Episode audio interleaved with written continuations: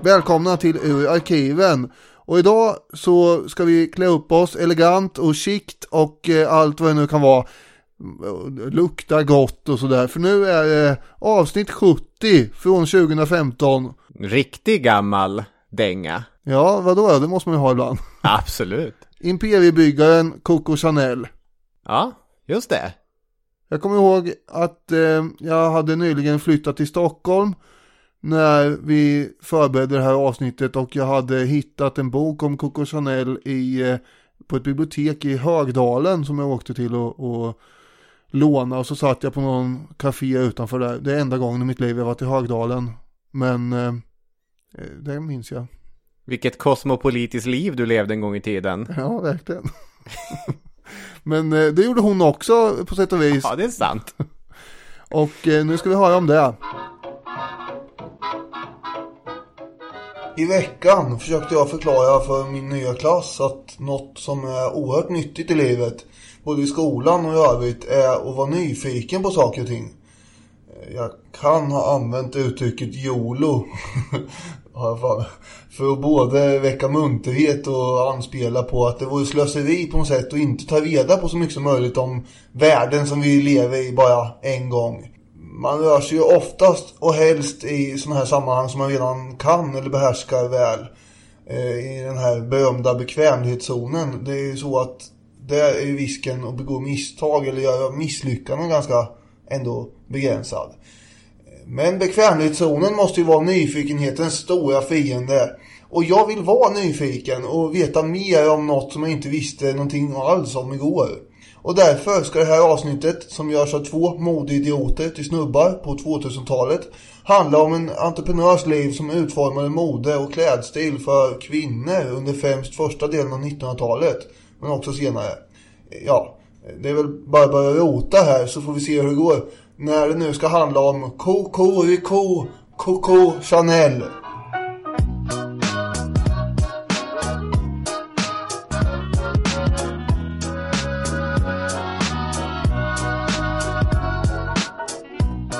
Yes, hej och välkomna till ännu ett avsnitt av Historiepodden. Den här härligt folkbildande och underhållande, utmanande och kunskapstörstande och givande podden som jag, Robin Olofsson och min kollega och kamrat Daniel Hermansson gör. Hej på dig! Det fick du med mycket på en gång. Hej på er! Ja, jag tog ett djupt andetag och så sen så körde vi. Hur är läget? Jo tack, det är, det är bra. Precis som du var inne på att du har nya klasser och att du tydligen är inne på nyfikenheten och det här entreprenöriella eh, gigget att, att man ska utforska och så, så eh, är jag djupt inne i, i undervisningen.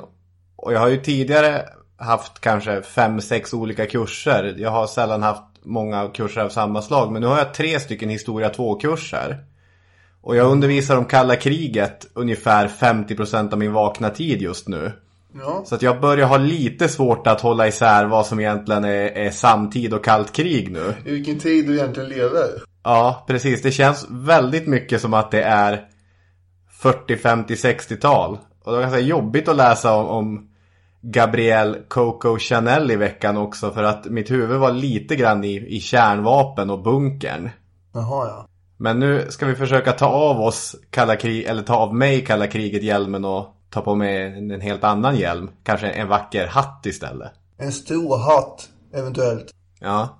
Tycker du att jag är en modeidiot? Ja, men eh, det var väl mest... Eh, ja, jag tänkte nog att du skulle reagera på att jag drog med dig i fallet där. Men eh, vad då tycker du att du är en modeikon på något sätt, eller? Nej, sannoliken inte. Eh, det var bara ett, ett intressant litet fönster in till hur du ser på mig. Nej, high fashion är inte min grej. Istället försöker man, jag vet inte vad man försöker göra. Du har ju en, eh, ser jag här i, i, eh, på skärmen, en väldigt elegant, eh, eh, vad är det för något egentligen? Någon slags stickad? Ja, jag har en, en, en, fin mönstrad stickad tröja på mig. Egentligen är det på tok för varmt för den också. Jag sitter och svettas enormt här i mitt kök. Nu är det mycket information här som är helt oväsentlig kanske. Eh, ja. Fan är du då? Vem är du? Vem är jag? Kan vi Jag söker Ingegerd Ragnarsson. Ja, vem fan är du då?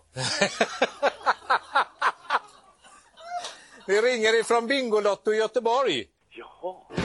Om jag söker sanningen får jag den Vem är du, vem är jag? Kan vi Ja, det där pappret som du hade med dig hit förra gången. Och som nu har marinerat som du uttryckte. Och väntat på att få användas. Där, ja, kör nu här. Nu är det alltså, vem är hen? Det är en man, en kvinna eller en händelse som du ska gestalta här. Och jag leder, trots allt, inte Ja. komma på. 18-18, men det var 18, matchboll. 18, ja, Ja. just det. Innan jag ger dig de här äh, ledtrådarna får jag bara kort redogöra för hur epitet suffix gate Ja, har gått ja. under veckan. Det var jag väldigt nöjd med. Skit. Nej, men, ja, men det har ju fått lite, för jag kontaktade ju först språkrådet på Twitter. Då de Ja. sa snarare suffix än epitet eftersom ett epitet då står som ett eget ord. Sköna Helena, eller Helena var deras exempel. Men jag kände på mig att jag ändå inte riktigt hade rätt. Det är därför jag inte har vågat vara riktigt, riktigt arrogant mot dig heller. därför att suffix kändes för enkelt. Och då är det en lyssnare här, Stella Riad, som har hört av sig. Och har haft kontakt med sin språkvetarfar. Gate är varken epitet eller suffix, inom parentes, för snävt. Kan kallas retrogradering, eller engelska backformation. Så du hade inte rätt det som... vi kom Nej, jag hade mer rätt än vad du hade. Varför det? Nära skjuter ingen hare, men vi lägger ner det här nu. Men för den som var väldigt inne i om det skulle vara ett suffix eller ett epitet. Känns som det är främst det jag som har varit väldigt inne i det. Ja, Så det, fick det äntligen sin, sin slutsats där. Men jag ska ta och dyka ner i min kappsäck och fiska upp den här lappen. först till 20 är jag alltså. Ja. Fem poäng, är du med? 1968 hade jag inga problem med att högt och tydligt poängtera att jag var stolt. Det tyckte andra lät bra och mina ord blev ett motto för en hel rörelse. Mao. Jag, jag gillar hur du tänker, det är tyvärr fel. Det hade varit kul om det hade varit Mao. Fyra poäng. Vad kan jag göra? Jag kan mosa potatisar. Gå som en kamel. Låtsas att jag är en robot. Skaka som en höna. Allt detta iklädd en cap. Låter det löjligt? Nej då. Jag är definitionen av cool. Ja, det är ju som sagt inte Mao. Nej. Ja, det här, jag är helt offside nu. Vadå? Krossa potatisar eller? Pass. Tre poäng. Caroline af Ugglas sjöng Snälla, snälla, snälla. Men den skiten stal hon från mig. Som tur är har jag hundratals andra låtar i min helt nya kappsäck. Ja, rörelse, det förvirrar mig lite. Men, och det är mycket som förvirrar mig. Jag har ingen stringens i vad jag, hur jag tänker riktigt. Känner jag. Men eh, det är ju någon form av eh, sångare. Björn Skifs. Fel. Två poäng. Jag är en medlem i Rockens Hall of Fame. Jag är enligt tidningen Rolling Stone världens genom tiderna mest samplade artist. Jag är en av de absolut största ikonerna inom den afroamerikanska rörelsen. Kanske den allra största. Dessutom är jag känd från ett roligt YouTube-klipp där jag är full i amerikanska nyheterna. Där fick man ju lite tips, men jag tycker att det är fortfarande ganska svårt för att vara på två poäng här. Och jag, jag rotar ju i huvudet här, men jag tror att jag kommer komma fram till en gissning som låter som James Brown. Och vi klockar in på två poäng. Och haltar i mål som vinnare av Vem är hen? Oj, oj, tackar! Tackar! Oh! Ett det är poäng. fint, det är ju illfint. Jag trodde Ja. inte jag skulle ta det där på tre poäng. Det var ju helt, jag var helt offside. Och sen så att fick jag sitta och tänka länge här kan jag säga. Ja, ja, jag skulle tro att det är ganska mycket betänketid som är bortklippt. Men du rotade långt in i hjärnan och hittade rätt svar där. Hälften Agent 007, hälften den sås du äter till dina köttbullar. Undrar på att I feel good. Jo, jag, jag kommer ihåg att jag sett eh, ett klipp på bland annat honom när han var extremt full som sagt i det där nyhetsinslaget. Ja, nej, grattis till det. Nu skulle jag säga att du faktiskt förtjänade. Jag tänkte ta någonting som hade med lite musikhistoria att göra så att det inte skulle vara inom din bekvämlighetszon. Nej, precis. Men jag var ändå inte helt och hållet offside, men på slutet här. Mm. Ska jag förklara ledtrådarna Mm. lite snabbt för dig och lyssnarna? 68 hade han inga problem med att högt och tydligt poängtera att han var stolt. Han sa ju “Say it loud, I'm black and I'm proud” som blev ett sorts motto för Black Power-rörelsen i USA. Fyra poäng. Allt han kan göra, det är ju de olika dansstegen som James Brown uppfann eller populariserade. Mash potatoes, camel walk, the robot, the funky chicken. Låter allt det här löjligt? Nej då, han är så cool när han gör det i sin cap. Carolina Fuglas sjöng Snälla, snälla, snälla. James Browns, en av hans stora hittar är ju Please, please, please. Och andra låtar i min kappsäck, det är ju Papas got a brand new bag. Och så sen tog du det på Rock'n'Rollens Hall of Fame och den, en av de stora ikonerna inom den afroamerikanska rörelsen antar jag. Ja, ja, sen hjälpte ju till en smula och eh, sådär. Bra jobbat, stort grattis. Tack så mycket. Då har jag alltså två titlar och är fortfarande regerande mästare. Då tänker jag att eh, man kanske skulle ta en eh, liten kort återblick på eh, succévägen fram här. Jag är centerpartist och var Sveriges första kvinnliga partiledare. Karin Söder. Det är rätt. Två poäng. Den här eh, sista lilla hinten gör att jag säger Elvis Presley. Det är helt rätt. Jajamän! Tackar, tackar, tackar! Du glider upp till eh, 5-4 och tar ledningen. Jag skulle ta och ta av den där tröjan som är lite rosa och sådär. Den kan jag ta här. Ja, nu, nu glider han upp designprinsen. Sigvard. Ja! Varför sa jag inte det först då? Jag fått en poäng till. då känner jag nog att det lutar lite åt Djungelboken här och då säger jag eh, Rudyard Kipling. Rätt. Tackar! Tackar! Vänta Robin, vad står det nu? Ja just det, vad har vi gjort av den här rosa, den här rosa du vet, den här ledartröjan? Giro d'Italia-tröjan. Just det, den, den, Gazzetta del, della Sport-tröjan. den ska vi fixa fram nu. En dag 1955. Rosa Parks. Stämmer. Tackar! Tre poäng i alla fall. Pengar, kejsare och resor. Tackar! Kan det vara Selma Lagerlöf? Ja, det stämmer. Tackar! Vänta, nu måste vi ägna oss åt lite matte här. Ja, då har vi gottat oss åt det.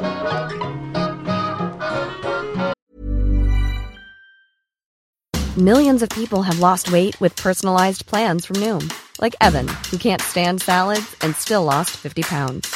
Salads, generally, for most people, are the easy button, right?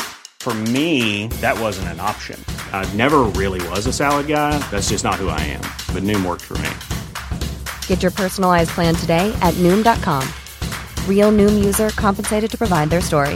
In four weeks, the typical Noom user can expect to lose one to two pounds per week. Individual results may vary. Hi, I'm Daniel, founder of Pretty Litter. Cats and cat owners deserve better than any old fashioned litter. That's why I teamed up with scientists and veterinarians to create Pretty Litter. Its innovative crystal formula has superior odor control and weighs up to 80% less than clay litter.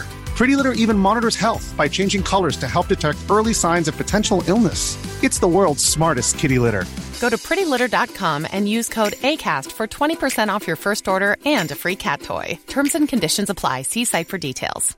Hiring for your small business? If you're not looking for professionals on LinkedIn, you're looking in the wrong place. That's like looking for your car keys in a fish tank. LinkedIn helps you hire professionals you can't find anywhere else, even those who aren't actively searching for a new job but might be open to the perfect role. In a given month, over 70% of LinkedIn users don't even visit other leading job sites. So start looking in the right place. With LinkedIn, you can hire professionals like a professional. Post your free job on linkedin.com/people slash people today.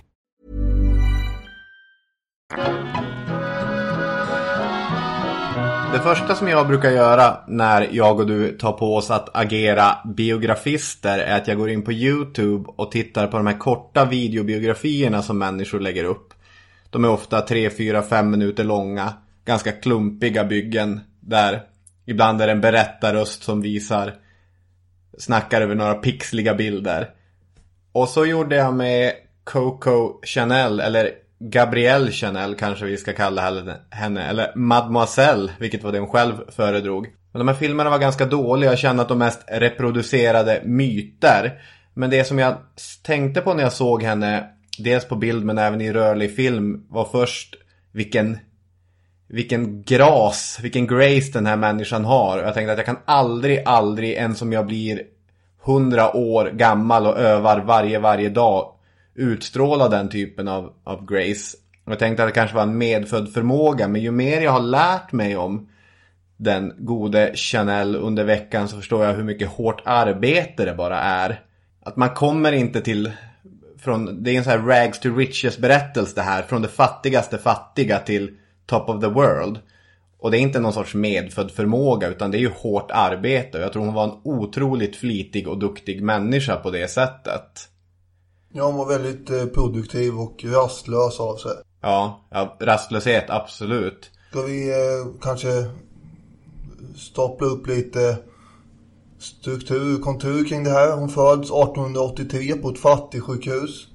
Med, hon har ju fyra syskon. Hela familjen är ju egentligen helt utfattig. Ja. De bor lite här och var i skabbiga bostäder. Farsan där försöker försörja dem så gott han kan men det går inte så bra. Han ordnar eh, drängplatser åt sönerna. Och det slutar med att han inte vet vad han ska göra av lilla Gabrielle så då sätter han henne i en kärra och eh, åker iväg med henne och dumpar henne mer eller mindre vid ett kloster och barnhem. Vi är ju i Frankrike då förstås i något nå ställe som heter Aubassin. Jag bävar inför alla uttal i det här avsnittet. Det här är en berättelse som är svår att pussla samman eftersom Gabrielle gjorde allting i hennes makt för att begrava sitt förflutna. Hon skrev ingenting själv, det finns knappt någon korrespondens bevarad. De människorna som försökte göra biografier med henne under hennes livstid, som den franska författaren Paul Morand, eh, märkte att här sitter hon bara och, och hi hittar på eller berättar halvsanningar. Så att det här avsnittet blir ett lapptäcke. Boom, textilskämt. Av det vi vet, det vi tror och det vi hoppas är sant. Ja, det finns ju en del saker som man ändå kan belägga. Ja. Man försökte ju som sagt att, vad ska man säga, skyla över mycket av den här bakgrunden. Ja. Pappan Albert och farfar Henri Adrien var bägge två ganska snarlika karaktärer. Charmigt folk som livnärde sig som handelsresande. Och mamman då, Jean, eh, eller hur vi nu ska uttala det, var en plikttrogen arbetsam kvinna. Hon blir ju gravid första gången när hon är 16 år gammal. Och sen när hon är 32 år gammal så kommer hon att dö. Och då har hon i princip arbetat ihjäl sig. Hon flängde ju runt efter sin handelsresande make som inte var trogen och som inte var speciellt intresserad av att av att umgås med familjen. Det var alltid så att när det fanns nyfödd eller när det var extra mycket att göra då just då hade han extra många resor att ta för sig. Och ett klassiskt exempel är ju när han åker iväg och så sen får barnen och mamman, frun, ett brev. Nu driver jag ett värdshus. Eh, här driver jag ett värdshus, har jättetrevligt. Hon, ja men vad härligt, flyttar ut barnen dit. Då visar det sig att han driver inget värdshus, han är anställd där som servitör. Mm, Ja, men det är nästan samma sak. Ja, det är nästan samma sak. Han. Eh, hon dör ju genom att hon är astmasjuk sen eh, långt tillbaka och under ett halvår så går hon omkring och hostar och harklar sig men hon tycker det är dyrt och onödigt att gå till läkaren. Och till sist så rasar hon bara ihop. Och på den vägen så hamnar Gabrielle på nunneklostret. Och eh, det där var ju en ganska chockartad och traumatisk upplevelse för eh, henne att eh, pappan hade bara övergett, övergett henne förstås. Så eh, hon, eh, ja, Toman eh, gjorde ju uppror mer eller mindre under de här första fem åren. I någon slags chocktillstånd. Och senare vid någon, eh, något känsloladdat tillfälle där så skrek hon ju också. De har tagit allting ifrån mig. Allting. Jag är död. Det visste jag när jag var 12 år gammal. Man kan faktiskt dö mer än en gång i livet. Så det påverkar ju den här upplevelsen förstås en, en del. Men vet du vad Håkan Hellström skulle säga på det? Nej, vad skulle Håkan Hellström säga på det? Man måste dö några gånger innan man kan leva. Ja, just ja. Mm, det är klart. Ja. Eh, det var en katolsk eh, organisation som drev det här barnhemmet. Och syftet var ju förstås att lära de här flickorna ett eh, yrke som de kunde leva på. Och så skulle man skydda deras dygd och sånt där. Hon och de andra barnen sov i enkla järnsängar. Ganska kalla salar. Fick vatten i gröt till frukost. Det här var ju inte livet på en pinne om man säger. Nej, det är livet i ett kloster. Ja, Snarare. just det. Och, eh, men vad som var positivt var att man utvecklade en skicklighet eh, som sömmerska. Och det gjorde hon ju verkligen här. Fick ju också en ganska kom- kompromisslös attityd eh, till saker och ting. För det var ju väldigt hård disciplin och man fick ju straff om man utförde arbetet slarvigt och så. Jag tror att mycket av det som sen blev, som det är för de flesta människor förstås, eh, henne i vuxet tillstånd går att koppla till barndomen här. Ja, det är ju ganska många som skriver biografier om henne gör ju det. Att hennes senare verk som modeskapare där det är ganska ofta enkla kreationer och, och svart och vitt. Ja. Och den typen, att det ska komma från de här, den estetiken hon omgavs av på nunneklostret. Ja, precis. Det var ju vita väggar, stora svarta portar och sådär. Har du sett den här teorin också? Det finns ju massa av de här äh, modeforskarna har ju åkt ut till det här klostret och så har de gått och tittat på de här dekorativa fönstren. Och men är det inte två scen som går ihop i varandra? Jo, I det, det där ser ut som det. Kan detta vara? Mm, mm. Är det därifrån loggan kommer? Kan det vara så att en 13-årig Gabrielle har stått här och tänkt Oj vad fint, de där två scenerna som går ihop. Ja, det är mycket som går att försöka knyta ihop i efterhand här. Som folk har försökt med. Det är många symboler också. Det är månar och stjärnor och grejer som finns i sådana här kloster som, som återkommer i hennes senare sidenskarfar och så. Då tänker man sig att jaha ja, det är klart att det var här det började. Precis. Varje Det söndag så tvingar man ju ut de här eh, flickorna och promenerar omkring bland bergen där. Och det satte ju med sina spår då ja, att eh, hon försökte hålla sig i trim sen då och ha en smal figur. Och alla plagg som hon konstruerar testas ju på henne själv vilket gör också att eh, de passar ju bäst på hyfsat tränade kroppar. Mm. Vi är ju alldeles i slutet på 1800-talet här. Det är klart att livet i klostret var inte så spännande men på loven så fick ju Gabrielle hälsa på hos sin faster Louise. Och det här tror jag kan ha varit ganska viktigt. Dels fick hon där lära sig läsa skönlitteratur samt erbjöds en mer kreativ vision av vad sömnad kan vara. Louise var ju en passionerad, självlärd sömmerska som var erkänd för hennes förmåga att piffa till en blus med en vacker rosett, ta en hatt och kanske sy dit en fjäder eller någonting. Och jag tycker det är intressant de här olika biografierna över Gabrielle Chanel är också noggrann med att poängtera vad det var för böcker hon fick läsa hos sin faster. Och då är det de här äh, engelska romanerna, särskilt av systrarna Bronte. Det är Jane Eyre, det är Svindlande höjder och det är berättelser om damer som rör sig i societetsvärlden på olika nivåer. Kan man tänka sig att en liten gnista väcks som längtar efter att få göra precis den resan? Det kan man tänka sig. Ja, det kan man tänka sig. Det vet vi inte, men man kan tänka sig det. Jag ser det framför mig. Och Historikerns bläddrar i. magiska mening. Man kan tänka sig. Eh, och då kan vi föreställa oss. Kanske, kanske var det så. Ja. Ja. Mellan åldrarna 12 och 18 så var Gabrielle på det här klostret. Sen när hon fick lämna det då blev det internatsliv för Gabrielle. Hon kommer hamna på samma internat som en annan faster till henne, Adrienne. Skillnaden är ju att Adrienne är jämnårig med, med Gabrielle. Folk tror att de är systrar, vilket de också gillar. Hon tyckte om Adrienne mycket mer än hon tyckte om sina riktiga systrar. Och jag tror den här kontakten med Adrienne kommer bli, ja, inte jätteviktig, men den, den kommer nog nämnas fler gånger under hennes resa. Men framförallt är att hamnar man på ett franskt internat under tidigt 1900-tal kommer man få lära sig att bete sig på ett visst sätt. Gabrielle kommer vara här i två års tid och det är ju egentligen en utbildning i hur en ung dam ska lära sig föra sig i vissa miljöer. Och om man dessutom visar sig duktig och kompetent så kan man efter internatslivet få ett jobb, vilket också kommer ske. Enda anledningen att Gabrielle och hennes systrar överhuvudtaget fick plats här var ju att de franska internaten i regel erbjöd några platser till fattiga eh, människor som en liten, ja, välgörenhet eller man ska säga det. Nu ska vi minsann lära pöbeln hur man för sig i fina franska salonger. Så där fick hon lära sig lite i, redan här då.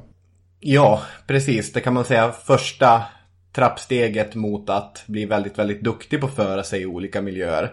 Efter internatslivet så kommer Gabrielle få erbjudas anställning hos en butik som höll på med underkläder. Det var en dam som drev den där och hade någon sorts deal med internatet att skicka era bästa flickor hit så att får jag bra personal. Och om jag ser till mig själv, om jag hade kommit från fattig fransk underklass och gjort den här resan, fått en utbildning, fått ett fast jobb, då hade jag antagligen känt mig ganska nöjd med det livet.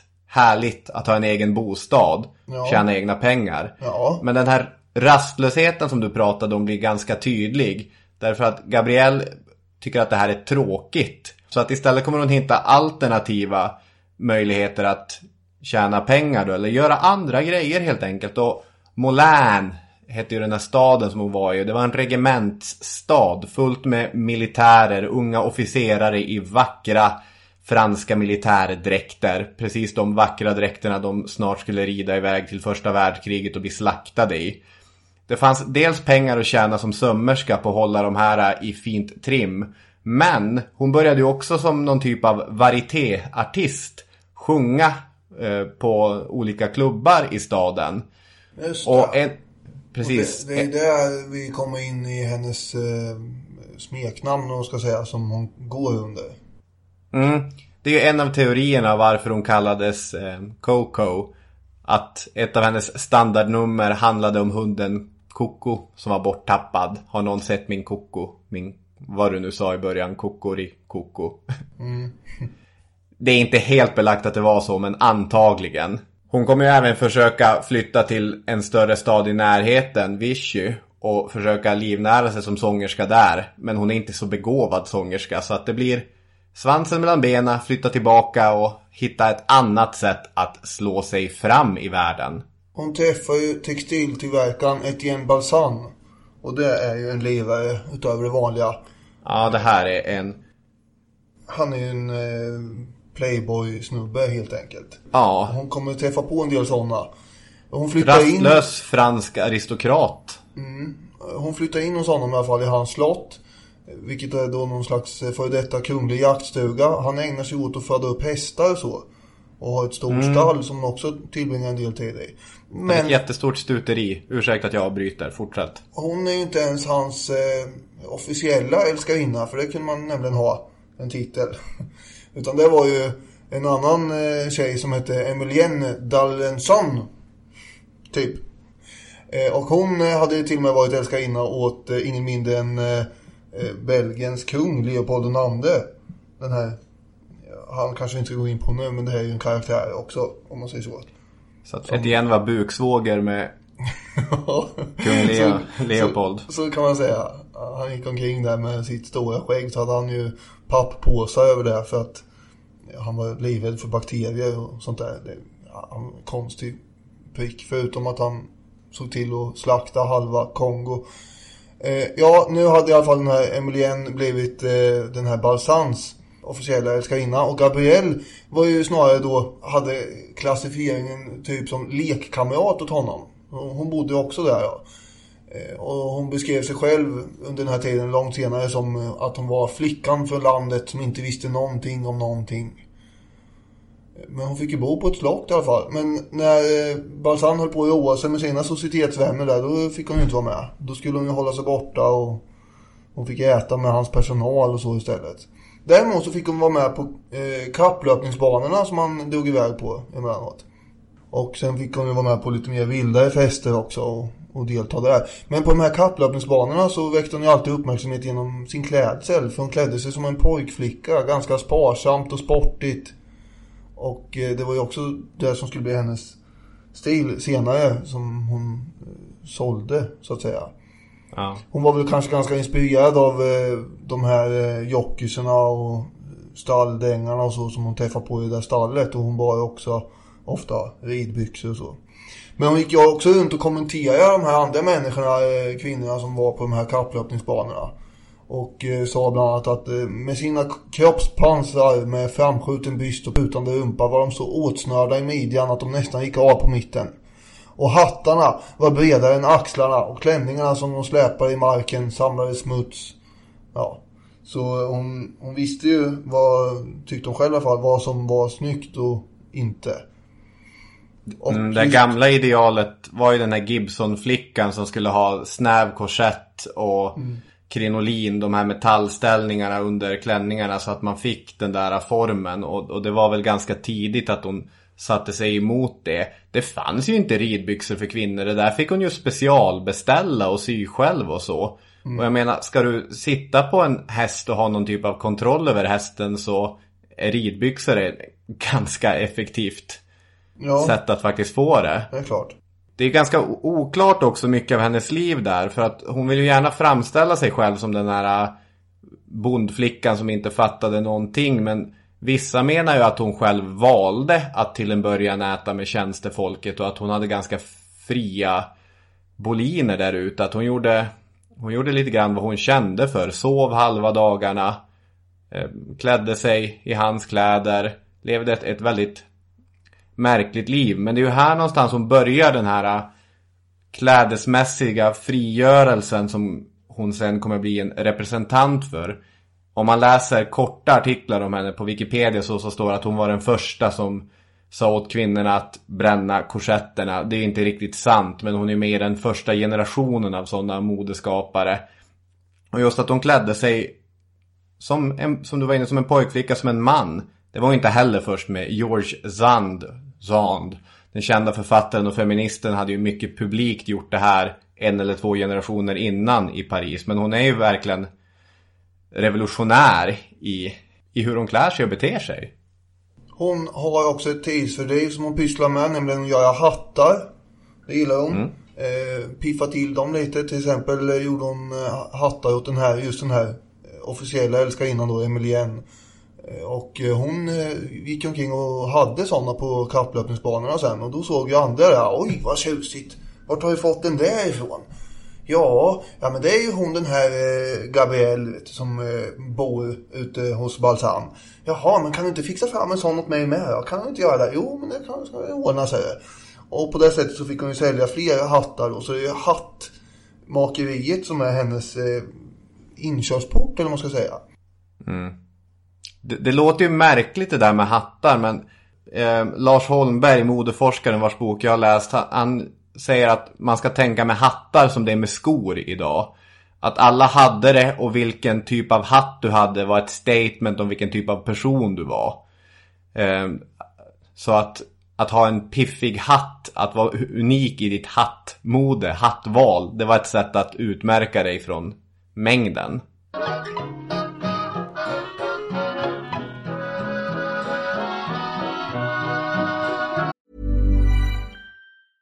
I'm Sandra, and I'm just the professional your small business was looking for. But you didn't hire me because you didn't use LinkedIn jobs. LinkedIn has professionals you can't find anywhere else, including those who aren't actively looking for a new job but might be open to the perfect role, like me. In a given month, over 70% of LinkedIn users don't visit other leading job sites. So if you're not looking on LinkedIn, you'll miss out on great candidates like Sandra. Start hiring professionals like a professional. Post your free job on linkedin.com/people today. Millions of people have lost weight with personalized plans from Noom, like Evan, who can't stand salads and still lost 50 pounds. Salads, generally, for most people, are the easy button, right? For me, that wasn't an option. I never really was a salad guy. That's just not who I am. But Noom worked for me. Get your personalized plan today at Noom.com. Real Noom user compensated to provide their story. In four weeks, the typical Noom user can expect to lose one to two pounds per week. Individual results may vary. Hey, Dave. Yeah, Randy. Since we founded Bombus, we've always said our socks, underwear, and t shirts are super soft. Any new ideas? Maybe sublimely soft. Or disgustingly cozy. Wait, what? I got it. Bombus. Absurdly comfortable essentials for yourself and for those facing homelessness. Because one purchased equals one donated. Wow, did we just write an ad?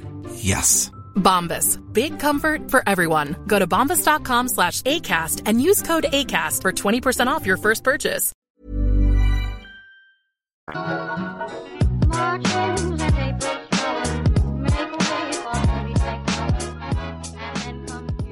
följde med den här Balsan i alla fall, bland annat på en rävjakt i Pyrenéerna.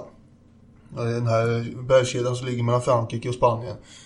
Och där träffar hon ingen mindre än den här Arthur Boy Capell. En brittisk Mm. affärsman. Oerhört charmant herre. Som uppmuntrade henne att bli eh, modedesigner i Paris. För det var det hon ville bli, hade hon sagt. Och eh, ja, han är ju med på den där rävjakten med. Men sen ska han åka hem. Och åker mot tåget. Då följer hon efter. Och en mycket, ja vad ska man kalla den här scenen. Han, han lyfter upp henne och bär henne in i sovvagnen och placerar henne där. Och då på något sätt så, eh, de böcker jag har läst så konstaterar man helt enkelt bara att och därmed så var eh, historien med Balsan över. Eh, Och hon börjar hänga med den här Boy Capell istället. Problemet var ju att han skulle snart gifta sig med en brittisk aristokratisk kvinna istället för hon hade ett ganska stort arv att hova in. Det, det var ju inte, alltså du har, du har ju rätt att nu kommer hon vara med Boy och hon skriver ett brev till, till Etienne Balsan då att det är, det är Boy som har mitt hjärta. Men det är ju samtidigt hemma i en ungkarlslya som Etienne har i Paris som hon börjar Ja, sälja hattar. Ja, det är likadant med andra män hon träffar senare. Det är aldrig så att det helt klipps av utan hon fortsätter ju eh, vad ska man säga, använda eh, deras resurser på olika sätt. Mm. I och med att hon träffar Boy så får hon ju tillgång till en annan värld än Etian. Etian är ju gammal fransk, alltså gamla pengar. Men Boy har ju nya pengar. Han kommer ju från den här vågen av nyrika. Och jag tänkte på Peter Englunds gamla essä i Förflutenhetens landskap där han skriver att när borgerligheten har lika mycket pengar eller mer pengar än adeln, då hittar adeln på god smak. Och så sen kommer borgerligheten bara hålla på och jaga efter det här att också ha tillgång till god smak. Mm. Eh, Och väldigt många av Boys eh, väninnor och, och människor som rör sig i de kretsarna kommer ju dras till Gabrielle och till hennes hattar och till den värld som hon erbjuder eftersom hon erbjuder eh, cutting edge god smak. Ska vi placera henne i Paris nu? Ja.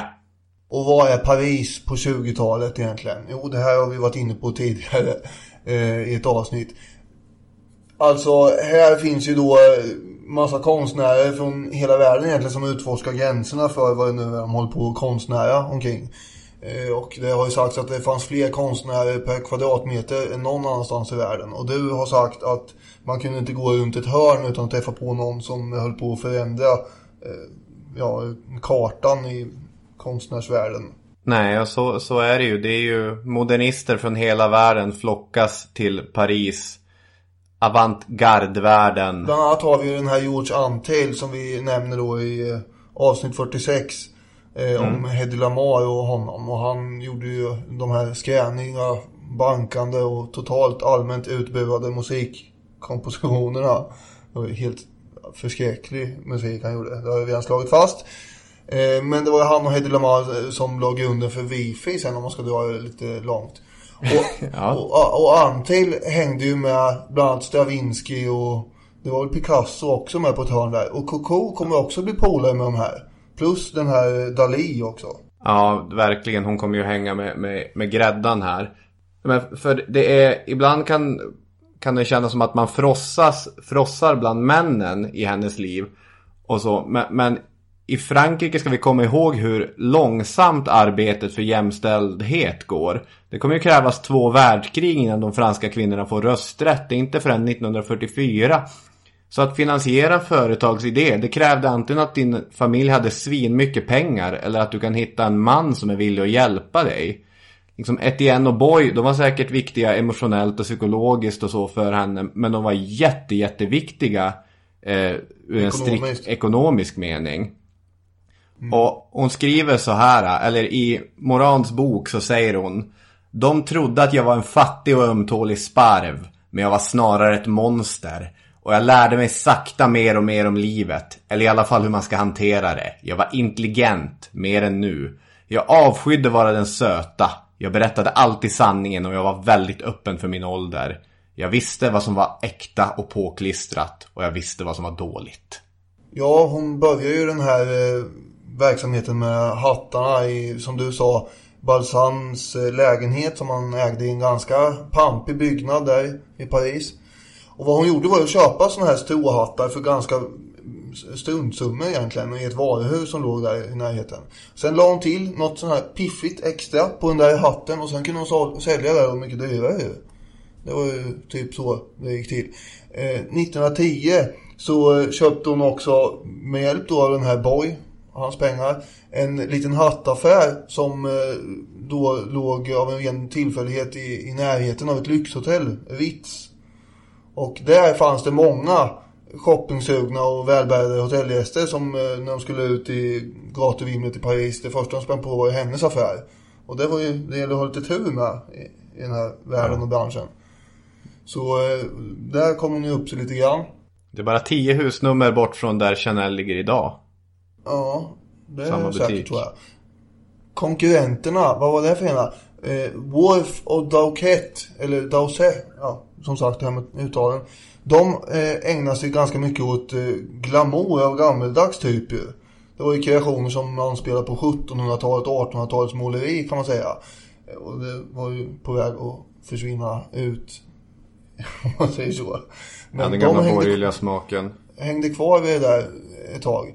Och sen fanns det en annan snubbe som hette Paul Poiret som var då modekung på den här tiden. Och hans inspiration kom ju från Fjärran Östern och sålde turbaner och såna här vida haremsbyxor och sånt där. Ja, och alla de här höll på att tappa kontakten med Paris eh, förändliga mode. Det går ju snabbt i svängarna här.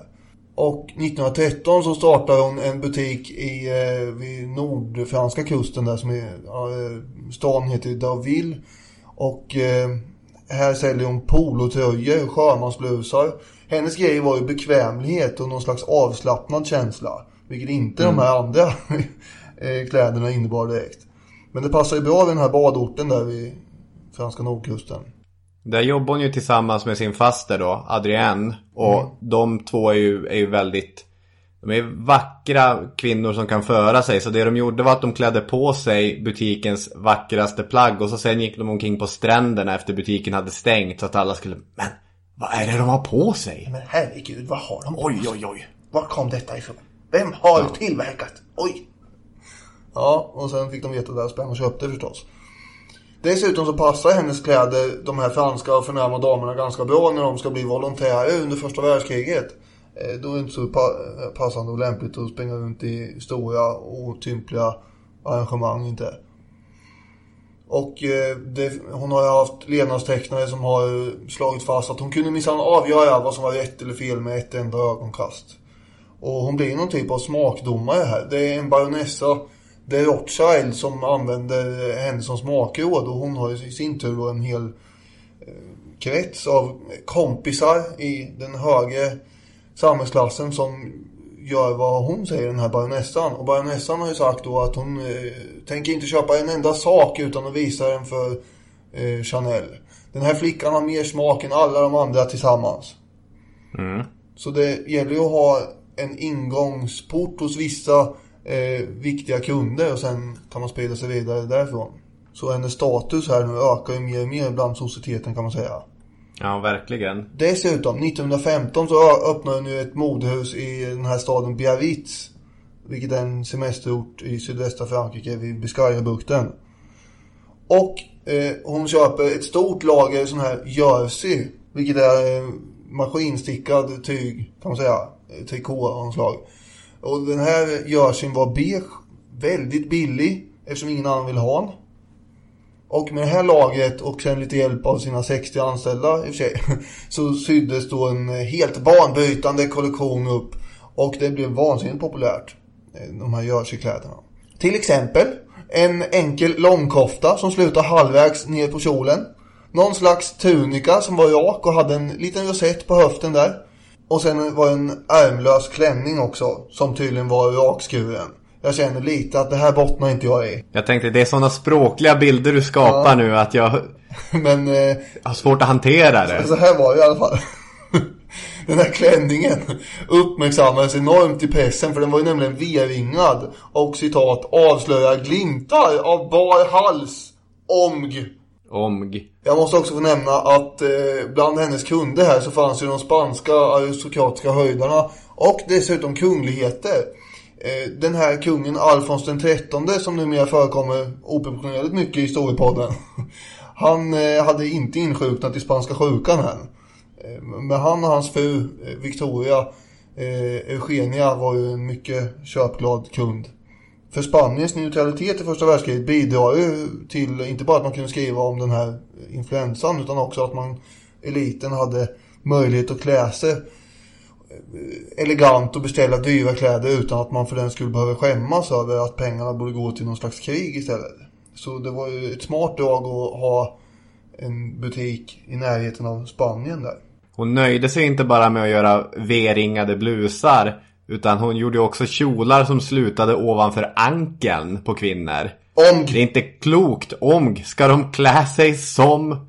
Ja, får ni fylla i vilket ord de, får, de kan klä sig som. Hon var hur som helst eh, bestämd i att hon aldrig skulle undervärdera sig själv och eh, arbetet som hon la ner. Och därför så Nej. blev priserna hutlöst höga också. Förstås. Ja. Och hon såg ut typ som en drottning i sina eleganta jerseykläder och körde runt i en Rolls Royce. Hon körde inte själv för hon hade en privatchaufför redan vid det här laget. Och var i princip ekonomiskt oberoende. Så nu Ja. går det undan här. Aldrig rea. Det ska alltid vara exklusivt på Chanels butiker. Första världskriget blir ju succé för henne. Det är inte så många man kan säga det för. Eh, dels kan hon hjälpa sitt land genom att sy om diverse linnehanddukar från hotellen till förkläden till sjuksköterskorna. Och dels så innebär första världskriget att den här slankheten som du var inne på tidigare nu kommer bli stil. Ja, vad, vad ska man säga? Att det blir ett ideal. Till skillnad från Gibson-flickan då tidigare. Och jag menar det gick ju inte att hålla på att göra krinolin av metall i klänningarna. Herregud, vi behöver ju metallen till vapen och ammunition. Ja, just det.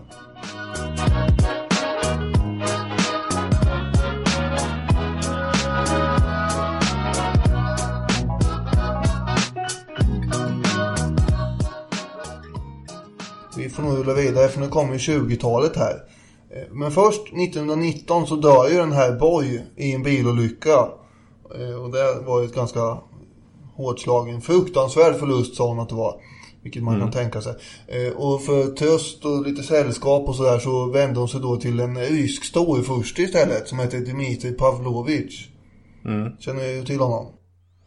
Nej, det, det känner jag inte till. Han var ju en eh, riktig charmör men dock helt utfattig. Däremot fanns det andra fördelar med den här Pavlovic.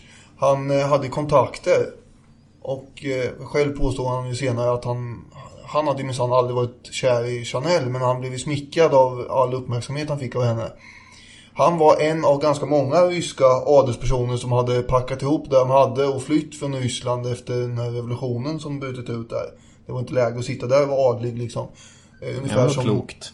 Ja, ungefär som i franska adelspersoner försvann från Frankrike så fort de kunde efter revolutionen 1789 där. Eh, Men eh, det finns också hintar om att han kan ha varit inblandad i mordet på den här Rasputin. Och därför hade då tsaren redan tidigare skickat iväg honom. Hur som helst så fanns han i, i Frankrike vid det här laget. Och när jag tänker på storfurstar av någon anledning, ryska storfurstar. Då det enda jag får upp i huvudet det är Lucky Luke och den här eh, albumet Storfursten och den här han som åker runt och ska eh, lära sig allting om vilda västern för han tycker det är så spann- spännande. Han, da da da, luxi luxi, säger han. För vi som inte har läst just det albumet, det är, Ja, det är en smal referens. är det lästips? lästips. Han säger, han säger, bara helt enkelt da da da. Och sen har han ju en, eh, det är väl någon eh, anarkist som springer omkring efter och försöker bomba ihjäl en eh, stup i kvarten. Men det går inte så bra för den där. Han är grön i ansiktet den där anarkisten. Eh, hur som helst så bygger ju den på en verklig historia för övrigt. Eh, Tsar den ande som vi hade i eh, hjulet för ett tag sedan. Hans son åkte ju iväg till vilda västern och eh, gjorde en sån där resa. Det är bara så här ett bispår nu. Ja. Men ändå. Eh, den här Pavlovic i alla fall. Han träffar ju eh, Coco, kan vi kalla honom från och med nu tycker jag. I Monte Carlo. Och introducerar henne för eh, en eh, kompis till honom. Eh, en parfymör som heter Ernest Beau. Och den här Beau kommer att spela en viss roll. Eftersom eh, nu drar vi in parfymen i historien här tycker jag. Konkurrenten Paul Poirier hade redan 1911 varit det första modehus som lanserat en parfym och det hade blivit en vansinnig succé. Chanel tänkte sig också ge, ge sig in i det här nu. Och med hjälp av den här Bo som hade utvecklat en del parfymer som byggde på blommor ju. Så han hade gjort det för att hedra den här Pavlovics kvinnliga släktingar och så. Så anlita eh, Chanel honom nu. Hon tyckte att blommor var ju bra. Men hon ville ha en unik mix av de här blommorna. Eh, förut hade det funnits typ enstaka blomdofter. Rosdoft eller liljekonvalj eller så. Men hon ville ha en paradox. Liksom. Och en doftexpert har senare då sagt att det första mötet som de hade här. Eh, då sa Chanel att hon ville ha en ihärdig parfym som dröjde sig kvar på huden och som var lika mångsidig som hennes kläder. Så Bureau gjorde ju 10 olika dofter som presenterades i två serier som man kallar 1 till 5 och 20 till 24. Och det var en femte kompositionen där av ros, jasmin, eh, ilang ilang som för övrigt är, då har jag tagit reda på, en naturligt förekommande växt i Indien och Indonesien. Den kan bli 12 meter hög på ett år. Den har en rik och djup doft av toner eh, av gummi och eh, vanilj, säger jag. Det visste jag inte innan. Eh, och eh, för övrigt så betyder ilang ilang också eh, sällsynt. Och det är väl förmodligen den här exceptionella doften som du har att göra med. Den sista ingrediensen var sandelträ. Den här parfymen knockar ju Koko ganska rejält. Och eh, för att undvika piratkopiering så tyckte ju Bo att man skulle ta och göra den här så dyr som möjligt helt enkelt. Och det var inga problem för Coco. För hon tyckte att, eh, ja men gör det här du, jag ska ha världens dyraste parfym. Så slängde hon ut 40 000 pund till honom på det här. Vilket motsvarar 7 miljoner kronor ungefär i dagens penningvärde. Och hon valde att kalla den eh, nummer 5 just efter att det hade varit nummer 5 i den här serien. Dessutom hade hon ju en vidskeplig grej för siffran 5. Eftersom i den här skolgången i barndomen så hade numerologi tydligen varit en viktig disciplin. Och eh, nummer 5 då symboliserar förkroppsligandet av något och är själen i den här mystiska innebörden hade hon lärt sig. Av vad det nu kan vara. Och alla modekollektioner som hon någonsin visar upp visar hon ju alltid upp den femte i varje månad också. Flaskan som den här parfymen skulle placeras i var ju ganska enkel och kubformad, tidlös, utan krumbukter och detaljer. Precis raka motsatsen mot alla andra högtravande och utsmyckade parfymbehållare på den här tiden. Och sen lanseringen av parfymen eh, gjorde hon med någon slags smygteknik. Hon kunde ge bort eh, flaskor till stamkunder i butikerna. Och sen när de kom tillbaka och frågade, kan man inte få lite mer av den här parfymen? Parfym? Vad då för parfym? Det känner jag inte till någonting om. Aldrig hört talas om. Nähä? Ja, ja, ja. Och sen så gav hon order till butikspersonalen att springa omkring och spraya parfym i alla provrummen i hemlighet. Och det här skapar någon slags eh, latent eh, efterfrågan som bara bubblar under locket där. Alla ville ha den här parfymen som var så mystisk och ingen visste vem, var den kom ifrån riktigt. Hon gjorde det här för att Borås skulle kunna producera tillräckligt stora kvantiteter när hon väl kunde sälja det. Och sen när hon släppte det så blev det ju det flytande guldet, juvelen i hela kronan. Och franska staten påstår att eh, det säljs en sån här flaska var 30 sekund idag. Och det drar in ungefär 700 miljoner kronor om året. Ja, mycket pengar. Ja, han gjorde ju fler såna här succéartade parfymer men ingen är ju så legendarisk så- och evig som Chanel nummer 5. Nej, det är väl det här klassiska Marilyn Monroe-citatet. Eh, du frågar mig vad jag har på mig när jag går till sängen. Eh, Chanel nummer 5 såklart. Mm. Eh, lite ekivokt. 20-talet är ju en framgångsrik period i Gabrielles liv. Jag måste få kalla henne Gabrielle för jag har skrivit det överallt i mina anteckningar. I och med att hon hade kommit i kontakt med de här ryska förstehusen så kommer hon i kontakt med den ryska balletten som hon tycker jättemycket om. Och i och med att hon har så fruktansvärt mycket pengar så kan hon ju pumpa in otroliga mängder pengar i den ryska balletten. Och det tycker ju Igor Stravinsky är trevligt att hon gör. Så att de börjar träffas, han bor till och med hemma hos henne i långa perioder och Igor Stravinsky är ju någon sorts förkroppsligandet av modernismen. Han absolut kändaste ballett är ju den här Våroffer som eh, inte är då som, vad heter han, Anthils. Nej, Eh, verkligen inte antar jag. komposition. Men det drar ju åt det hållet. Att det är ju väldigt dramatiskt. Och det är inte så, så skönt och melodiöst som det hade varit förr när man komponerade. Utan det här är någonting annorlunda. Eh, han var en väldigt excentrisk människa annars. Han kunde till exempel ha dieter där han bara åt råpotatis. Det hade han fått för sig skulle vara hjälpsamt. Och kring Gabriel så uppstår ju en smältdegel av några av tidens absolut stora. Du nämnde Picasso och även Stravinsky men även den franska surrealisten Jean Cocteau. Eh, som var djupt involverad i diverse danstillställningar och, och så. De var ju jättegoda vänner och Gabriel blir kostymansvarig för många av de här.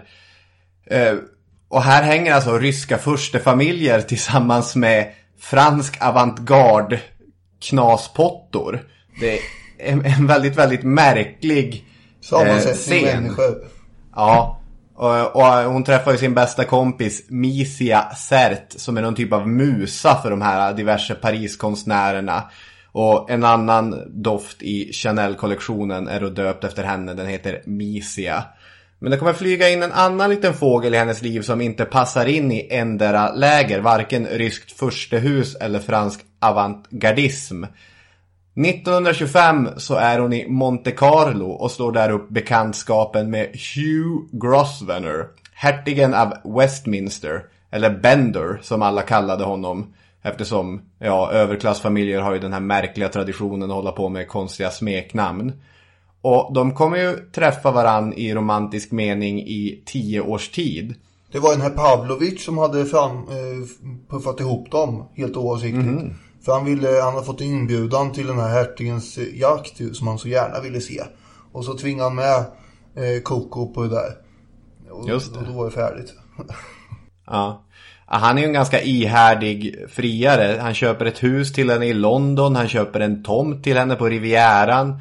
Och enligt en vida spridd berättelse så levererar han en korg med grönsaker till henne. Och när, när hennes personal håller på att packa upp. Man kan tänka, jaha lite majs. Vad ska vi ha det till? Broccoli? Ja, det är väl tre... Nej men, Oj! Här ligger visst en enorm oslipad rubin. där ser man. Det var märkligt. Bender var ju god vän med Winston Churchill. Churchill kom ju senare vara best man på Benders bröllop och Coco, eller Gabrielle, kände Winston mycket väl. En annan sån här sak som är väldigt diskuterad är, ja men de träffar varandra i tio år. De, de är ju förälskade i varandra, det är ganska tydligt. Och då är frågan, varför blir det aldrig något giftermål? Och läser man sådana här översiktliga artiklar om henne, till exempel så var det en sån lång artikel i Expressen i samband med den här äh, filmen om hennes liv för något år sedan. Så ska hon ha sagt, det har funnits många hertiginnor av Westminster, det finns bara en Chanel. Men sanningen är såklart mer komplex än så. Att ingå i en högadlig brittisk familj, med det kommer ju många krav som nog är svårt att uppfylla för en självständig kvinna som Chanel. Eh, att vara en kvinna av folket underlättar inte heller, men det finns mycket som indikerar att Gabrielle inte kunde få barn. Antingen att ja, alla kan ju inte det eller att hon i sin ungdom kanske med Etian eller någon annan hade blivit gravid och genomgått en misslyckad abort som helt enkelt berövade henne den förmågan. Och det är ju viktigt när du gifter in dig i högadel att du kan föra släkten vidare och det skulle hon aldrig kunna göra. Så att det är ju en teori varför det aldrig blir någonting. Det är intressant att när Bendor slutligen förlovar sig med den yngre förmågan eh, Loelia Ponsonby så tar han med sig sin nya fästmö för att träffa gamla flamman och vill ha Gabriels välsignelse. Här har ni ett bra tips lyssnare. Jag tycker inte att ni ska göra det här. Det blev, det blev inte så lyckat. De kom inte så väl överens. Hör jag häpna. Jag fattar ingenting. eh, hertigen var ju ganska... Han var ju ganska tagen av henne i alla fall. Hon var ju fransk och livlig och han var ju imponerad av att hon hade slagit sig fram själv och gjort sig ekonomiskt oberoende. Det hade ju inte någon annan i hans krets gjort tidigare direkt. Eh, men den här eh, livsstilen i engelsk överklassmiljö som hon får träffa på här gör ju också att hennes kollektioner och annat kommer påverkas av det här. Hon är med på vildsvinsjakter och, och allting. Så den kommer ju Perioden mellan 26 och 31. Det blir lite brittisk touch på det här. Nu kommer de där vidbyxorna och sportigheten in lite mer. Återigen är det alltid så lätt och ledigt som möjligt som det ska vara i och för sig. Men jag vill dra upp en annan grej också, eh, apropå den här rubinen, eller smaragden eller vad det var som låg i eh, fruktkorgen. För eh, smycken är också sådana här accessoarer som eh, man kan ha. Och eh, hon är den första modedesignern som egentligen designar ganska excentriska smycken. Eh, under första världskriget så hade äkta juveler, man hade börjat se ner på det eftersom det förknippades med opatriotism och lättsinne. Eh, som fruarna till krigsprofitörer gick runt och skröt om. Och, och därför så ville man helst inte ha eh, äkta smycken längre så mycket. Eh, och oäkta blev helt enkelt ganska inne och det var ju bra. Eh, för det kunde man ju tillverka i ganska hög kvantitet och bakelit hade kommit 1907 och sen kom andra plastmaterial som plexiglas och sådär. Bioet... Nu ska vi se, kan du hjälpa mig här? Bioterier, hur uttalas det? Eh, bijouterier. Ja, där har du det. Bijouteri. Det betyder då ögonsten. Och det är då alltså oäkta smycken helt enkelt. Och det här, den här branschen ger hon sig också in i. Och den som var bäst på att göra bijouterier var Augustin Gripois. Och eh, han hade pysslat med det här sedan 1869. Och hon värvar honom för att göra den första smyckeskollektionen. De här eh, ju, eh, juvelerna då som är oäkta blir inspirerade av indiska smaragder och safirer från Kashmir och sådär. Men framförallt är det ju pärlorna som blir Chanels grej. Och det, pärlor har ju alltid i alla tider använts som accessoarer för att demonstrera kvinnlig makt. Kleopatra hade ju det i både öronen och runt halsen och hade inflätat i håret till och med. Eller varför inte våran eh, gamla vän Elisabeth den första av England som gick runt med ibland sju pärlhalsband på sig samtidigt. Så eh, pärlor blev Chanels eh, grej helt enkelt. Och alla, det sägs då att alla i Paris gick runt med Chanels pärlhalsband, vilket inte gärna kan ha varit sant, men nära. Nej. De här pärlimitationerna var så elegant tillverkade av den här Gripois att de hade en egen lyster och glans som gjorde att de såg ut som äkta pärlor men ändå uppenbarligen inte var det eftersom de var för stora för det. Och han avslöjade aldrig vilka material eller teknik som man använde för det här. Den, den behölls hemlig. Och det var ju samma med den här formen för Chanel nummer 5 i parfymen. Och det här gjorde ju att det blev ganska exklusivt då. Jag vill också återknyta till det här vi var inne på med eh, Englands besöken och det. Och Winston Churchill. Hon blev ju lite grann av någon slags slottsfru där ett tag hos den här hertigen och höll glimrande baler och sådär. Med en massa gäster. Och då fick hon vara mer och mer i England. Men eh, där bland annat då så var ni på flugfiske med den här Churchill. Det, där är jag lite avundsjuk. Ja. Eh, och han blev väldigt charmad av eh, den här eh, fransyskan. Eh, själv gillar han förutom att supa så mycket han orkar eh, och måla och skriva. Han hade lite andra strängar på sin lyra eh, förutom att hålla på med politik hela tiden. Och dessutom hade hon en energi som aldrig verkar ta slut. Ena stunden så var det jakt eller fiske och nästa så var det raka spåret till Paris för att arbeta med saker och ting. Så till sin fru så skrev ju Churchill att hon jagade intensivt hela dagen, tog bilen till Paris Eh, eftermiddagen. Och idag är hon igång med att prova ut och förbättra kläder på ändlösa rader av mannekänger. Hon gör allt med sina egna händer. Nålar, skär till och follar. Och sen en annan gång när hon var i Skottland så skrev han Hon fiskar från morgon till kväll. Och hon har dragit upp 50 laxar. Hon är mycket trevlig. Verkligen en storartad och stark individ. Lämplig att styra över en man och ett imperium. Benny är, tror jag, oerhört lycklig över att ha funnit en like. Det var Winston Churchills uttalande om henne där. Ja, han hade ett smeknamn för smeknamnet. Lite gulligt. ja, men det, det visar väl det här äh, drivet och rastlösheten som hon har. Ska vi komma in på 30-talet eller har du någonting före det? Nej, nej. Alltså hon inspireras ju av de här skepparkavajerna som hans betjänter springer runt och har hertigen då på hans jakt och sådär. Ja, hon fick ju låna en sån där kavaj någon gång när de var ute och det blåste så förskräckligt och då då blev hon ju inspirerad av att tillverka eleganta skepparkavajer för damer med guldknappar och grejer och så såldes det. Och marinblått tas ju in i den här färgpaletten som annars har varit ganska svart och vit för. Mm. Det är ju sinnesbilden för mig är ju Jackie Kennedy som står i den här rosa Chanel-dräkten. Eh, kanske med ett pärlhalsband till. Att där, eh, till och med en modeanalfabet som jag har ju den ikoniska bilden inetsad på näthinnan. Modeanalfabet var ett bättre ord kanske än modeidiot.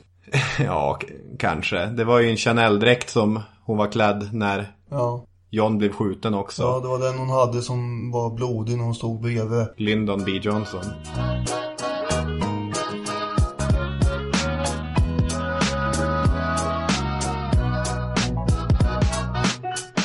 ...30-talet, strejker, ekonomiskt kaos. Eh, det kommer ju prägla hela Europa och så även Frankrike och Paris. 1936 fanns det en stor sån strejk i, ja, i Paris då. Den kommer påverka även Chanels modehus där sömmerskorna i början av juni 36 kommer att lägga ifrån sig nål och tråd och gå ut på gatorna. Ehm, det hade varit strejk bland först biltillverkare, sen järnvägsindustrin. Men politikerna hade varit helt övertygade om att de kvinnligt dominerade arbetsplatserna, de skulle inte gå ut i strejk. Och det tycks ha varit baserat bara på kvinnor strejka. Nej, Vad är det för påhitt? det kan jag inte tänka mig. Så därför blir man väldigt förvånad när det sker. Inte minst Gabrielle som hon beskriver själv att hon går till sitt modehus, ser de här hundratals sömmerskorna ute på gatan, vänder på klacken och går därifrån.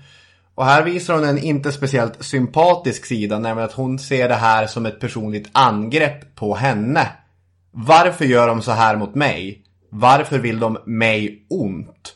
Så att först vill hon inte ens tala med de som är ansvariga för strejken då. Och när hon slutligen går med på att medla, då har hon det, det här taktikdraget som hon börjar med. Hon säger upp 300 av dem på stört. Hej då! Hej då! Till sist måste hon ge med sig och de här strejkerna slutar med fruktansvärda krav från arbetarna. Lite högre lön, rätt att organisera sig fackligt och två veckors betald semester. Omg! Fruktansvärt. Och när Gabriel sen återgår till arbetet så är det enligt vissa biografier med en, det är inte lika kul längre. Nu har ni förstört det här för mig. Jag hade roligt. Nu känns det som ni inte tycker att det här är kul. Så jag har lite svårt att sympatisera för, för Gabriel här. Om man ska hoppa, hoppa lite grann här i, i spåren eftersom eh, nu var du 36. Då tänker jag backa till 29 när hon träffade, 1929 när hon träffade en Hollywoodproducent också i Monte Carlo. Det var den här Pavlovic som hade introducerat dem också. Eh, Samuel Goodwin. Mycket namn här nu men strunt samma. Han försökte ju locka över Chanel till Hollywood för att designa filmkostymer. Det påstod han med all rätt i och för sig också. Skulle gynna Chanels affärer också. För då skulle hennes varumärke få ett enormt genomslag.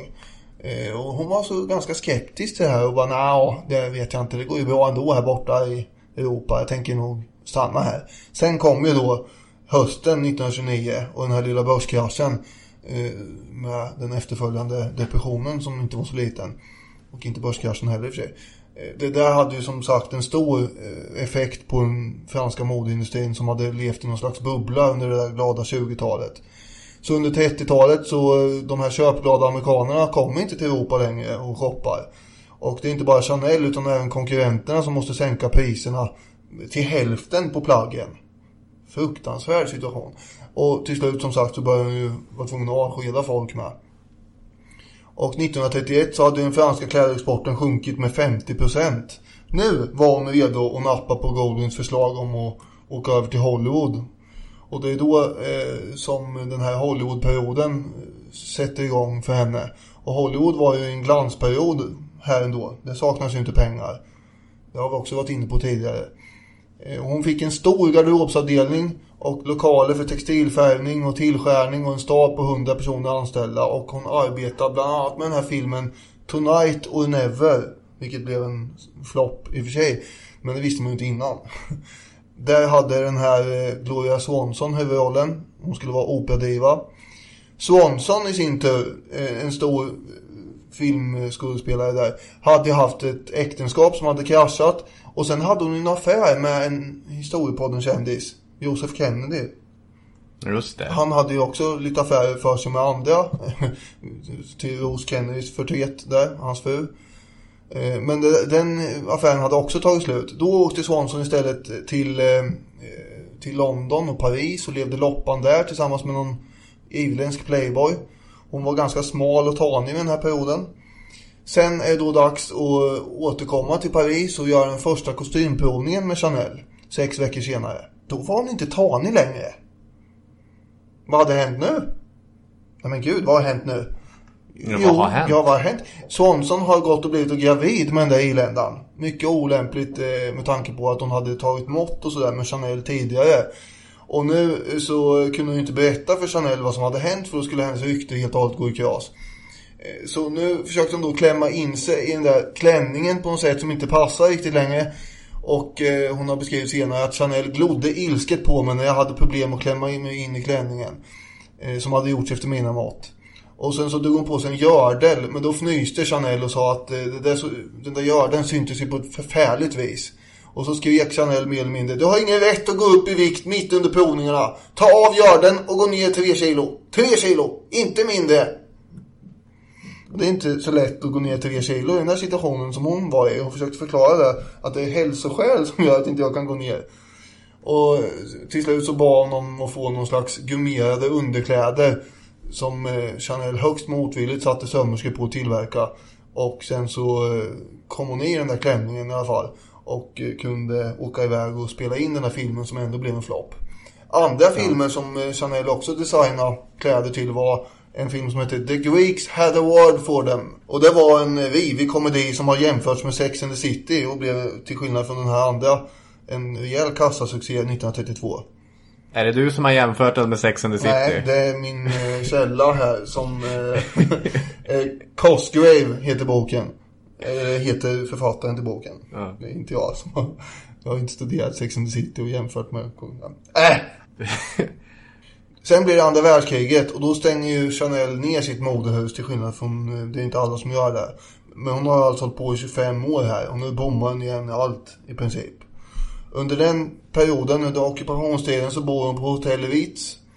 Tillsammans med sin älskare. Vem är det då? Ja, beroende på vem man frågar så är det antingen en dubbelagent eller en SS-officer. Men det man vet säkert att det är en...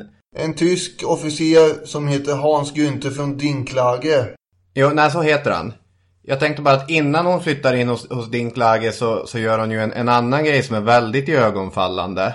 Och bara på tal om det här att hon inte var så sympatiserande med sina strejkande arbetare. Hon är en ganska hänsynslös kapitalist. För när nazisterna tar Paris då ser hon det här som en utmärkt tillfälle att bli av med sin största konkurrent i parfymbranschen. För hon hade ju stängt modehuset.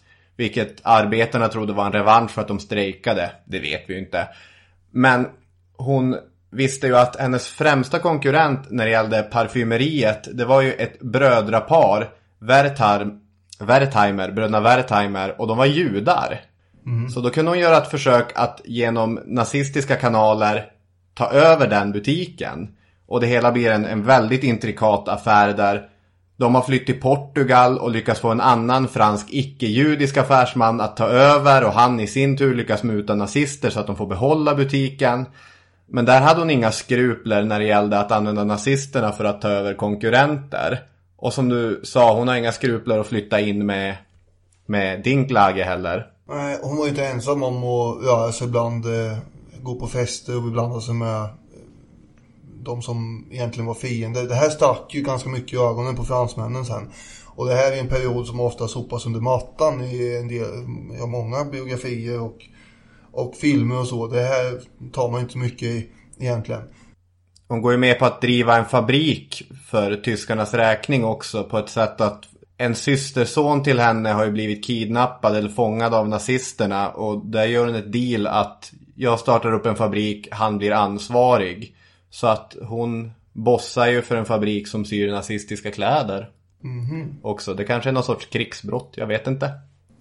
Ja, efter kriget så flyttade hon ut till Schweiz också för att komma undan den här kritiken som förstås välde fram. Hon höll ganska låg profil under eh, några år efter kriget. Parfymen nummer fem sålde fortfarande extremt bra så pengarna rullade in ändå. Men sen kommer då 1947 och då presenterar konkurrenten Christian Dior sin nya kollektion. Och eh, den har ju beskrivits som att den vände allting med en kjolviftning eh, av redaktören för den här modetidningen Vogue. Ja, vad han gör egentligen, det Christian Diors New Look kallas det. Och där gav ju modeindustrin i Frankrike i och för sig en ny skjuts. Men det var ju som att han hade vridit klockan tillbaka på något reaktionärt sätt. Det var motsatsen till allt som Chanel hade kämpat för. Det var åtdragna midjor, enormt vida och hämmande kjolar, styva jackor och på det hela taget egentligen eh, blir det en instängd kvinnokropp av det hela. Och när hon betraktade eh, någon eh, klänning där så bara skrek hon rakt ut i högan sky. Det är avskyvärt! Eh, hon, hon tyckte att det var en gammalmodig och vulgär stil. Så det är nästan hatet mot Diors stil som får henne att planera för en comeback här. Fast hon är 70 år nu. Så eh, ser hon ju att tiderna förändras. Och eh, hon vill vara modern och leva i den tid hon lever i. Och det finns nya behov och, och sådär.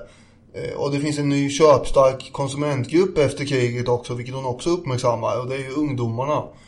Så eh, temat, precis som egentligen alltid för, för henne är funktionalitet. Eh, och hon ska ha sagt bland annat i samband med det här. Eh, mode har blivit ett skämt. Modeskaparna har glömt att det är kvinnor inuti kläderna. De flesta kvinnor vill bli beundrade. Men de måste också kunna röra sig. Kunna kliva in i en bil utan att spräcka sömmarna.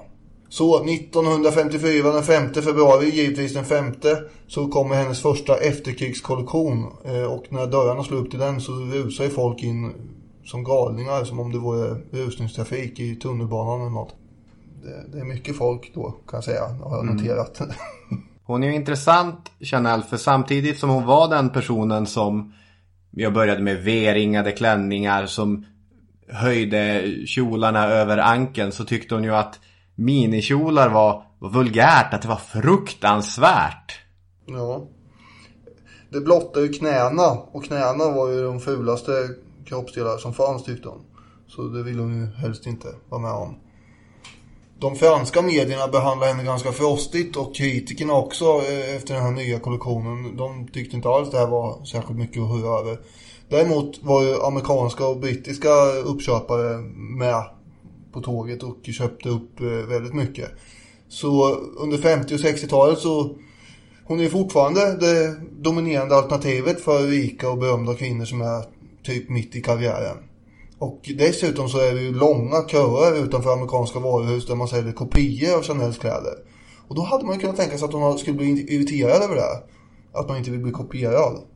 Men Mm. det hade hon inget emot. För hon, hon sa om inte hela världen bär dina kläder så har du inte skapat ett mode. När hon var 80 så knapade hon fortfarande vitaminer som om det vore godis. 85 års ålder så hade hon ju reumatism. Eh, men eh, hon fortsatte att klippa och fixa. Och fällde ganska hånfulla kommentarer till alla som inte orkar med de här långa maratonprovningarna.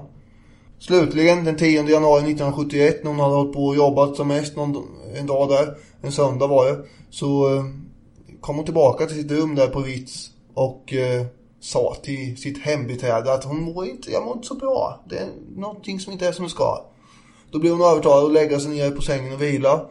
Och det är ju mycket myter och grejer här. Men om vi nu antar att det som hennes assistenter säger att hon sa är sant. Så sa hon inget trams när jag har dött. För jag kommer fortfarande att finnas där bredvid er. I en annan dimension. Och sen dog hon. Oj. I en annan berättelse så säger hon så här går det till när man dör. Och så dör hon. Ja, jag sa ju att det var myter och grejer. Ja. Man vet inte vad man ska tro. Det finns ju fler eh, citat från henne. Lyx måste vara bekvämt, annars är det inte lyx. En del tror att lyx är motsatsen till fattigdom. Det är det inte. Det är motsatsen till vul- vulgaritet. Parfym är den osynliga, oförglömliga, ultimata modeaccessoaren. Den förebådar din ankomst och drar ut på din avresa. Jag undrar om det är någon som har gått förbi så här med någon slags eh, bandspelare eller antecknat allting som hon har sagt. Om det inte är intervjuer Ja. vill säga. Ja, det är frågan om. Vad tycker du om henne? Ja, hon är uppenbarligen väldigt driven och eh, entreprenöriell i alla fall. Sen är det ju en bransch som inte jag som sagt behärskar, eh, men jag förstår ju att eh, det har gått bra.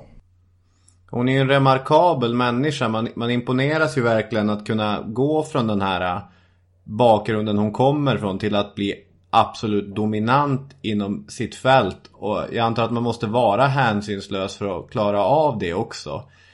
Jag tycker att den unga Chanel blir man nästan lite förtjust i. Man, man tycker verkligen att vad är det här för, för person? Sen den, den etablerade Chanel som med svärd och sköld slåss för att skydda sitt imperium är lite svårare att tycka om. Mhm. Mm. Ja, jag vet inte. Men jag tror inte hon söker efter min postuma godkännande av hennes Nej, det- aktioner Det heller. tror inte jag heller. Men hon står ju för något modernt hela tiden i alla fall. Och att det ska vara, eh, det ska vara enkla och lediga kläder. Till skillnad från hur det hade varit tidigare. Och som man också, som sagt, från Diors håll försökte återupprätta efter kriget. Det hade ju fått eh, lite av en tantstämpel, eh, Chanel, eh, framåt eh, 80-talet. Men då rycker ju den här eh, Karl Lagerfield som är chefsdesigner eh, på företaget in och, eh, och ja, behåller på något sätt någon Ja. slags marknadsandel. Räddar anseendet. Ja. Har vi någon mer spaning? Jag vet inte, det är ett fruktansvärt intressant livsöde och en av 1900-talets stora karaktärer. Och jag tänker att världen hade sett annorlunda ut och luktat annorlunda utan henne. Ska vi ta och avrunda avsnittet med, med de eh, storslagna orden? Låt oss. Tack så mycket för att ni har lyssnat på Historiepodden. Kontakt, hur förmedlas det? Facebook-sidan eller hashtag histpodd. Yes. Eller historiepodden at outlook.com. Hörni, tack så mycket för idag. Spring iväg med er nu så hörs vi nästa vecka. Ha det bra, hej hej! Hej då!